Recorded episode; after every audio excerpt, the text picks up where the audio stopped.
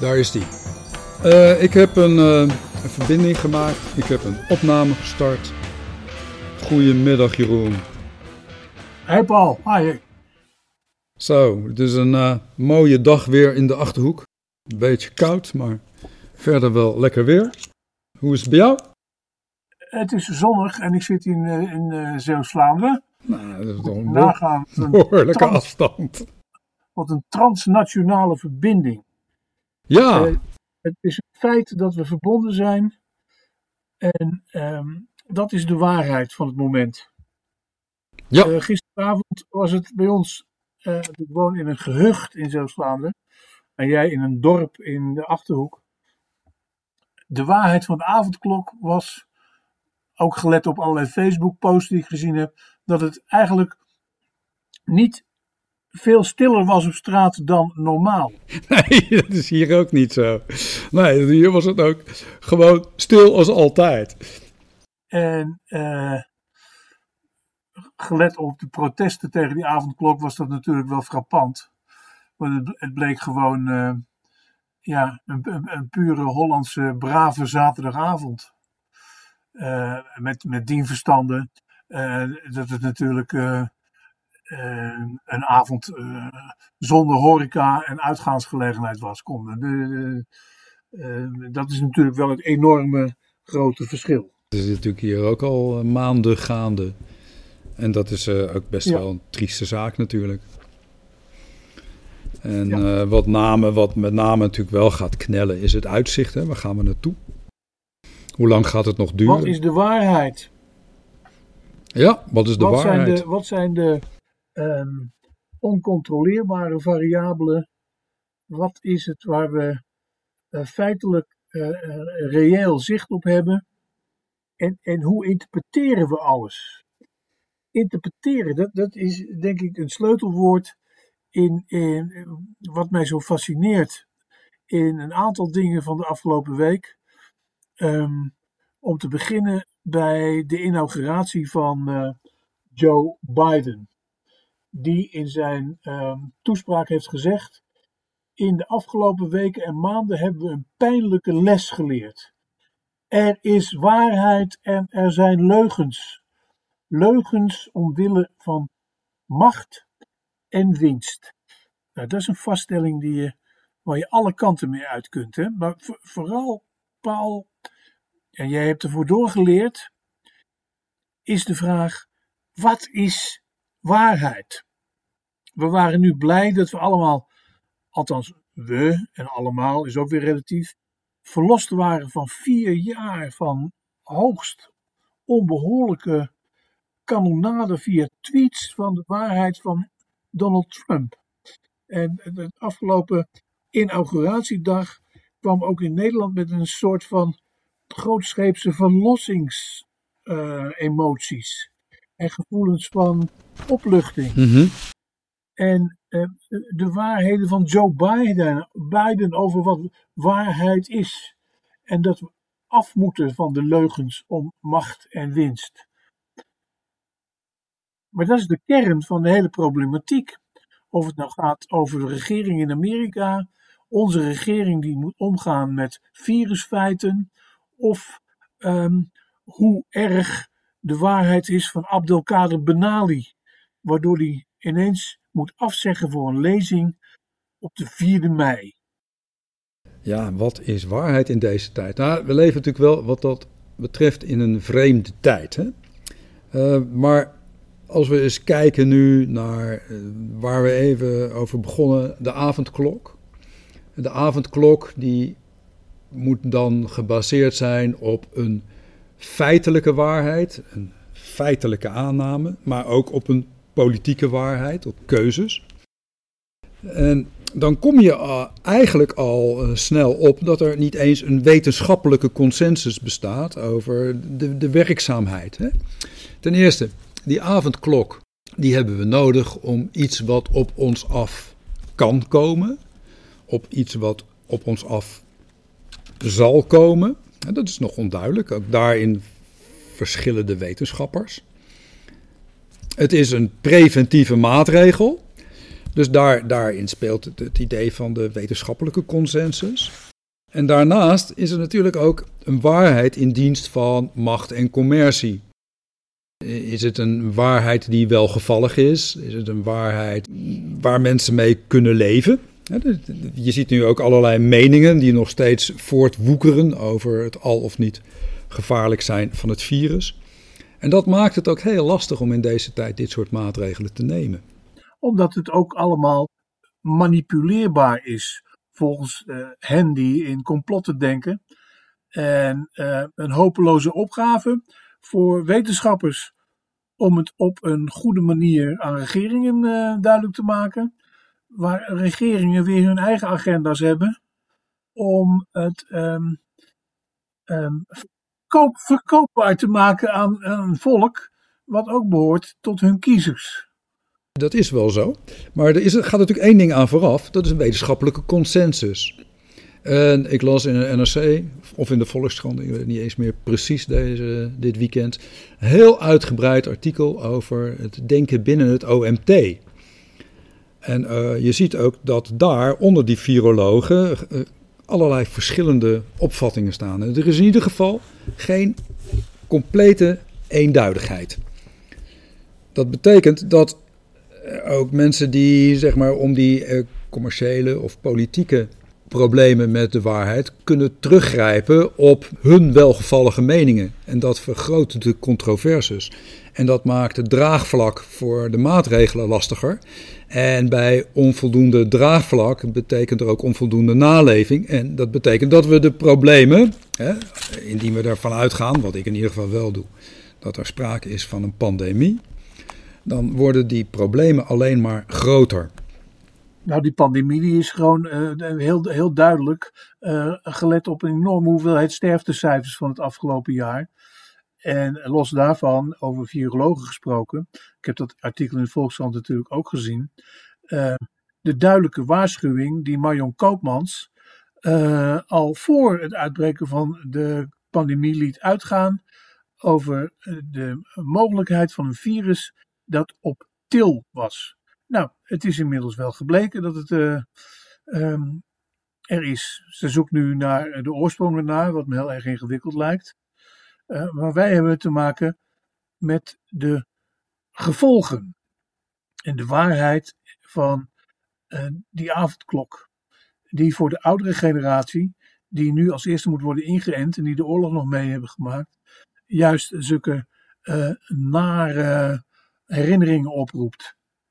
En terwijl het voor de jongeren, voor wie die maatregel, de avondklok, um, nou juist is bestemd, uh, onverteerbaar is boven datgene uh, wat ze toch al meemaken aan opsluiting. Mm -hmm. Het is allemaal waar. In, in, dit geval moet er mee geleefd worden, maar dat kunnen ze blijkbaar in Urk niet, uh, gelet op wat daar dus gebeurd is aan opstandigheid, een brand in een controlestraat. Verzet is onvermijdelijk. Het is wel grappig uh, als je nu jouw woorden even op de keper beschouwt. Dan, het leren leven met opsluiting. Opsluiting vereist een dader. ja? ja? Als je denkt dat het virus reëel is, dan is het de overheid die je beschermt. Dus je accepteert de bescherming van de overheid door vrijwillig een keuze te maken voor thuisblijven, weinig mensen zien, eh, een mondkapje dragen, anderhalve meter afstand houden, accepteren dat uitgaansgelegenheden gesloten zijn, etc. Maar als je denkt aan opsluiting, dan heb je een dader die jou uh, gevangen zet, die macht uitoefent, en dan heb je een heel ander perspectief. Hoe zie je dat? Nou, dit is het perspectief van een dictatuur. Althans, althans zo wordt het um, zo langzamerhand uh, in een opbouw van maanden, die natuurlijk begonnen is bij de eerste golf, uitkomt uh, tot nu.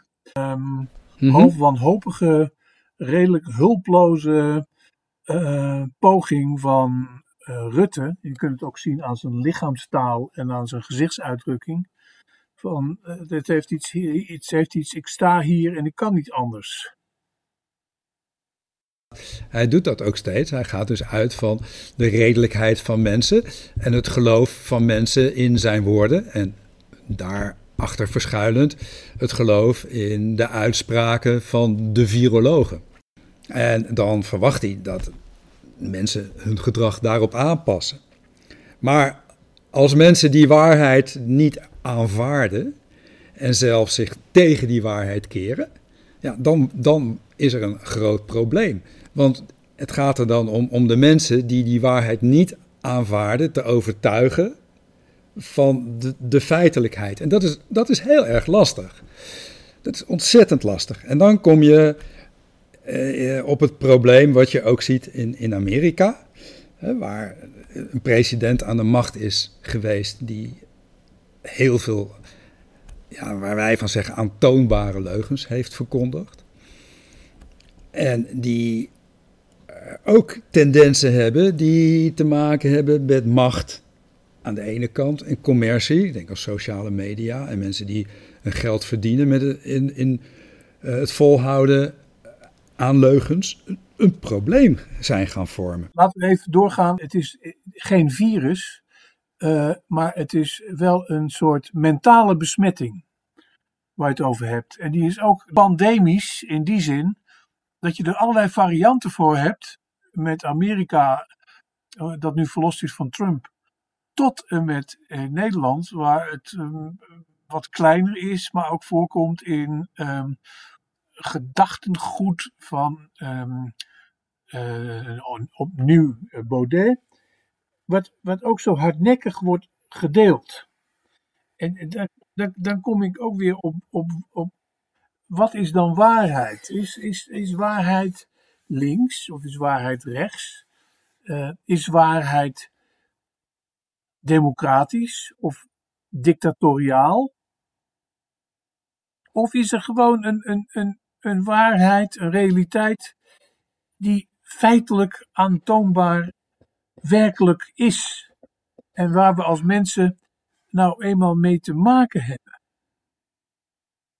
Of zitten wij eh, toch in een stelsel van tegengestelde en conflicterende interpretaties voortdurend elkaar in de haren te vliegen? Ja, nou ja, goed, daar zijn allerlei wetenschappelijke theorieën over. Dat heeft, heeft ook te maken met de tijdgeest. Hè? We spreken in deze tijd wel van post-truth, waarbij er sprake is van ja, wat we ook in de wetenschap noemen constructivisme. Dat betekent dat er altijd een gecreëerde waarheid is, een waarheid als een perceptie. En daaruit afgeleid kun je dan zeggen dat meningen net zo belangrijk zijn als de feitelijke waarheid. Hè? Dus een mening krijgt evenveel belang als een feit. Ja, daar kun je natuurlijk wel vragen bij stellen, zeker wanneer die uh, meningen worden verkondigd vanuit een positie waarbij opinieleiders dat doen vanuit het winstoogmerk of het oogpunt van politieke macht. Dat zie je dus aan de ene kant bij de, de, sociale media en dat zie je aan de andere kant bij bepaald type politici. Dan zegt Biden, we moeten afstand nemen van de cultuur waarin de feiten zelf worden gemanipuleerd en zelfs worden verzonnen. Ja, nou. maar dan kun je ook wel uh, bij hem aansluiten door te zeggen dat deze opvattingen, zoals ik ze net uh, weergeef, ook wel degelijk een groot gevaar in zich houden. Uh, na de Tweede Wereldoorlog schreef Hannah Arendt, een bekende Duitse filosoof, filosoof, socioloog, die schreef het boek The Origins of Totalitarism, de oorsprong van de totalitaire staat. Boek verschenen in 1951, waarin ze zegt dat de ideale onderdalen voor een totalitair regime zijn niet de ware gelovigen, dat zijn niet de overtuigde communisten of de overtuigde nazi's, maar de mensen voor wie het onderscheid tussen feit en fictie en waar en onwaar niet werkelijk meer bestaat. En wat interessant is om eens bijvoorbeeld te kijken naar de Republikeinse Partij in Amerika, die ook na de bestorming van het Capitool voor een deel vasthield aan de leugen. Dat is toch wel duidelijk, ook door de Republikeinen zelf onderkend dat de verkiezingen waren gestolen. Ja. In een podcast die uitgezonden is ergens in de loop van vorige week door de New York Times, daar was aan het woord een zekere Pieter Meijer. En dat was een lid van het Huis van Afgevaardigden, lid van de Republikeinse Partij, die erkende dat binnen zijn partij er geen enkele republikein daadwerkelijk geloofde dat de verkiezingen gestolen waren. Hij heeft daar uh, zijn consequenties uitgetrokken en hij heeft gepleit voor impeachment. Hij heeft daarvoor gestemd. En over zijn collega's, over sommige daarvan, dan zegt hij dat deze hun steun aan de leugen konden rechtvaardigen door te zeggen: wij vertegenwoordigen de kiezers die dat geloven. Dus dan krijg je de rare cirkel dat de president, door hun gesteund, een leugen inplant bij de mensen. En vervolgens zeggen: ik moet de mensen steunen, zeggen die, die, die, die republikeinen, omdat ik de kiezers in die leugen vertegenwoordig. Kijk, en dat is een opmaat naar een totalitaire samenleving. Die inmiddels toch behoorlijk is neergeslagen door het opruimen van de horden uit het kapitool, massale arrestatie van diegenen die herkend zijn en het aanstellen van een president die zich nu tegen de leugens verweert en op zoek is naar een reëel en oprecht soort um, regeerstijl en regeren, beleid maken conform de reële bestaande werkelijkheid. Is dat iets wat je hoopt of wat je verwacht? Nou ja, dat is dus nu, dat is dus nu het aardige. Dat, dat maakt natuurlijk onderdeel uit van uh, de um, opluchting die zich in eerste instantie al van iedereen meema- eh, meester maakte na de verkiezingsuitslag van november. En datgene wat zich nu ontwikkelt, eerst door een, een tamelijk plichtmatige uh, redenvoering over vereniging van de president. Maar wat uh, daarna, en dat vind ik dan toch wel heel sterk, vooral voor de jongere generatie, uh, nog eens um, werd overtroffen door het gedicht van die Amanda Gorman. Ja, dat was prachtig. Dat is weliswaar dichterlijk en het uh, had uh, natuurlijk allerlei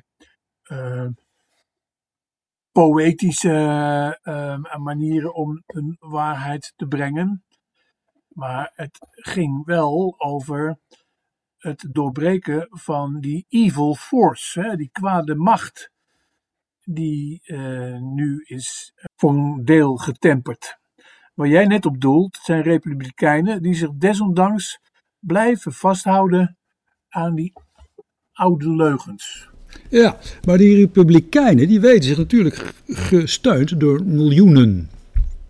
Uh, mensen die hun eigen media hebben, die hun eigen consensus hebben, die hun eigen waarheid hebben en die uh, niet zo heel makkelijk van die waarheid zullen worden afgebracht, zolang er mensen zijn van hoog niveau die ze daarin blijven steunen. En de vraag is nu, wat worden de nieuwe machthebbers? Er stond een heel boeiend artikel in de Groene Amsterdammer deze week van Timothy Snyder. Een man met een goede vooruitziende blik, ook die eerder over de gevaren van het Trumpisme en het ontbreken van een heldere visie op de waarheid heeft geschreven. En die maakt een vergelijking met de dolkstootlegende uit Nazi-Duitsland. Waarbij nadat Duitsland de Eerste Wereldoorlog had verloren, er een complottheorie bestond dat Duitsland eigenlijk de oorlog hadden gewonnen, maar dat Duitsland was verraden door industriële bankiers en politici. Waaronder een toplaag van Joden. Ja, dat heeft het antisemitisme zeker gevoed. Maar die dolkstootlegende, die hij vergelijkt, en denk ook terecht, met de verkiezingen zijn gestolen in Amerika, die kan een verwoestend effect hebben op de publieke opinie als die wordt gesteund en gesteund blijft. Want mensen verlaten niet zo makkelijk hun mening. Het is al heel lang bekend effect wat eh, onderzocht is van massacommunicatie. Dat mensen graag een nieuwe mening adopteren. En vervolgens die mening ventileren in een groep. En als ze steun krijgen uit die groep, dan wordt die mening manifest. En gaan ze eigenlijk uitsluitend op zoek naar bevestiging van die mening. Wordt die massaal? Als die meningen bevestigd worden en het idee ontstaat dat hun onrecht is aangedaan, dan kan op de lange duur dat onrecht tot, tot geweld gaan leiden. En we zijn nog lang niet van de problemen af. Dat betekent dus dat je niet kunt zeggen: jongens, jullie zijn uh, voor de gek gehouden, we gaan het nu anders doen, jullie krijgen van mij de feiten. Het gaat erom dat die feiten geloofwaardig worden gepresenteerd. En dat geldt ook voor, voor Nederland. En dan zullen we toch eens moeten kijken naar de rol van sociale media, de rol van radio en televisie, maar ook de rol van de pers. En dan denk ik met name ook op een lokaal vlak. Je ziet dat heel veel van de aanhangers van de, de, deze complotachtige theorieën toch op het platteland wonen. En daar krijgen ze vaak toch te maken met grote teleurstellingen waarvan ze hun weerslag niet terugvinden in lokale pers en vertaling naar lokale politiek. En ik denk dat dat in Nederland ook iets is om aandacht aan te geven. Dat gebeurt genoeg. Er zijn ook hele bezorgde Haagse politici zelfs, los van de uh, regionale, provinciale politici. Het antwoord is alleen steeds rentabiliteit, winstgevendheid, geld. En dat maakt dus de lokale pers monddood. Kranten in Nederland zijn niet meer in Nederlandse handen vanwege ook belastingconstructies. BTW van 9% op informatie, ja, eigenlijk bizar. Daar zou je alles wat aan kunnen doen. Dat is trouwens een uh, voorstel ook van de CU om de BTW op kranten af te schaffen. Ja, maar dat is, dat is, een, geld, dat is even een geldzaak. Wat, wat, ik, wat de kern is, is uh, hoe praat je mensen uh, hun waandenkbeelden, hoe voorstelbaar ook, uit hun hoofd en leid je ze naar een waarheid die, zoals Biden zegt, de leugens voorbij zijn. Uh, dat vind ik um, ook het merkwaardige aan, en dan denk ik aan uh, ouderwets socialistisch verheffingsideaal, dat voor de oorlog um, basis vond bij de, bij de VARA, wat heel erg lang ook over media gesproken in, Nederland, in het verzuilde Nederland, zo'n belangrijk onderdeel was. Hè, die, die verheffing. En dan heb ik het niet over de eenvoudige arbeider, want mm, die, die, die is in zekere zin al lang verheven. Maar wat mij zo um, um, mateloos intrigeert. En dan denk ik bijvoorbeeld nu ook over die rel rond Abdelkader Benali. Um, is de schijnbare, merkwaardige onnozelheid van het comité 4-5 mei.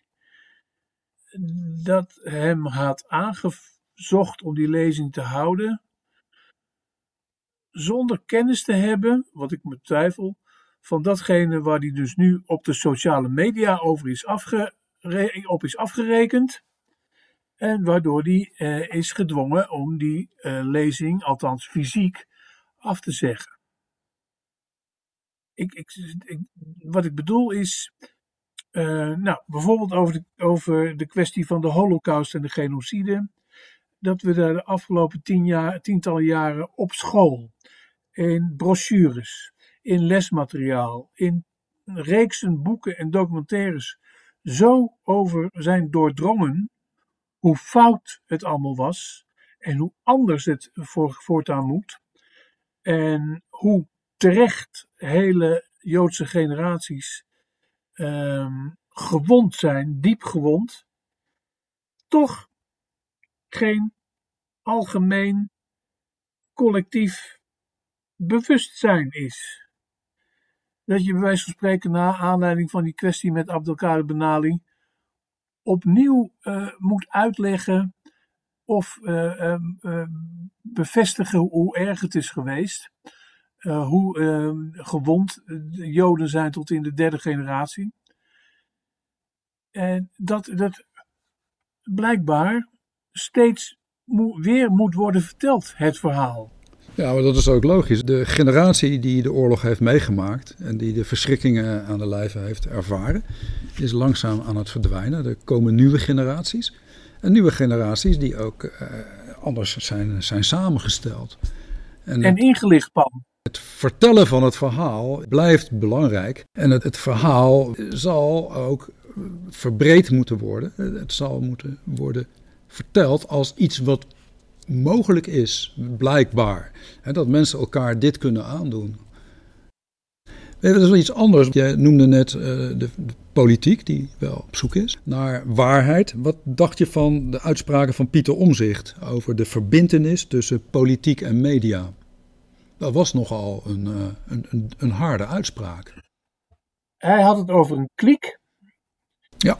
En uh, daarin sprak hij ook uh, als CDA over zijn eigen CDA, dat onderdeel uitmaakt van die klik. Ja, de media waren daar onderdeel van. Ja, maar ook, ook, uh, ook de politieke partijen. Jawel, maar de media zijn er om politieke partijen te controleren. Om de kritische vragen te stellen. Om er achteraan te gaan. De waarheid boven water te halen. Hij miste dat. Jij hebt lang in de media gewerkt. Hoe kijk je tegen deze beschuldiging aan? En er was nog iets trouwens wat opvalt. Kan je misschien meteen even op reflecteren? Hoe de, de NPO in een, in een jaarreden ook waarschuwde voor de bedreigingen die journalisten op dit moment ondergaan.